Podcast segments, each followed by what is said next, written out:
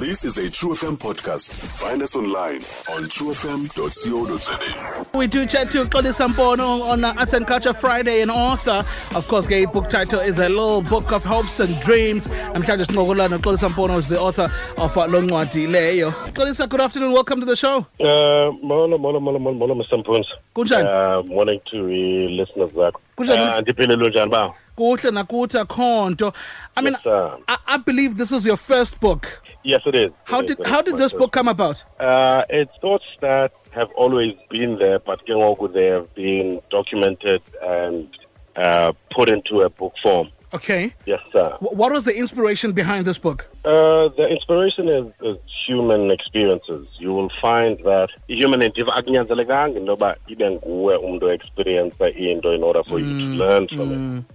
Now, all human endeavor, uh, what it teaches us is either what to do, what not to do, or what is in the best interest of self-preservation. Absolutely. Yes, sir. Absolutely. I mean, this is obviously a written art piece as it contains poems. What what Yes, poetry sir. style did you use the most in this book? Uh, it, it's not necessarily one style, but there's a string that ties the book together.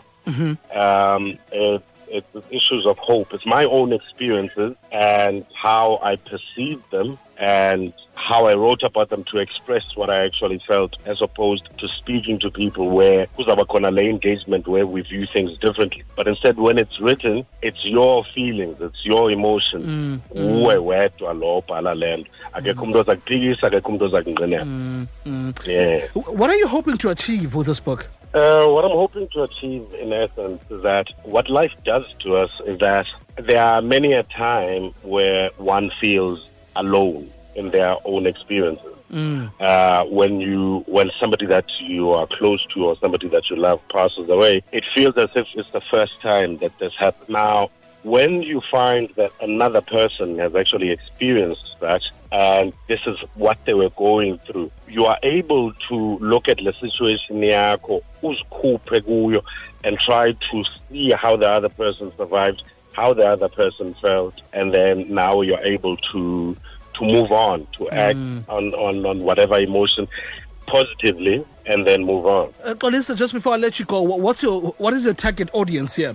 And and maybe after reading the book, what do you what do you what do you hope that they they gain? I mean, you've already mentioned some of the things, but I mean, what's the one thing that that if boys gets the book and reads the book, they will gain this one particular thing? All right.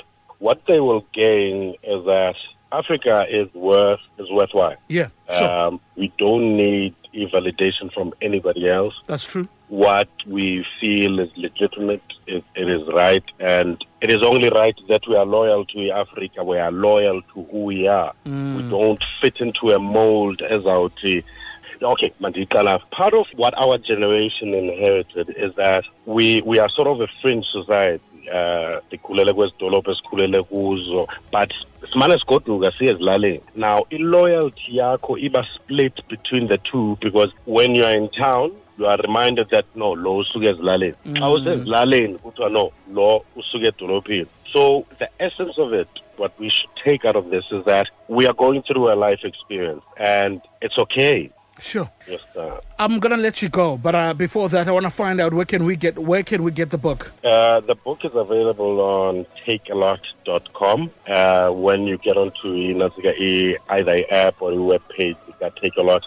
Just search Xolisa Mpono. Uh, Mpono is spelled M P O N O. Um, then I also have my own website, uh, www.i-n.co.za. All right, Xolisa, thank you so much, and all the best with the book. Thank you very much, sir. I appreciate it, man. Stream True FM online on truefm.co.za. Sikho yonke indawo ngalo ixesha like no one else.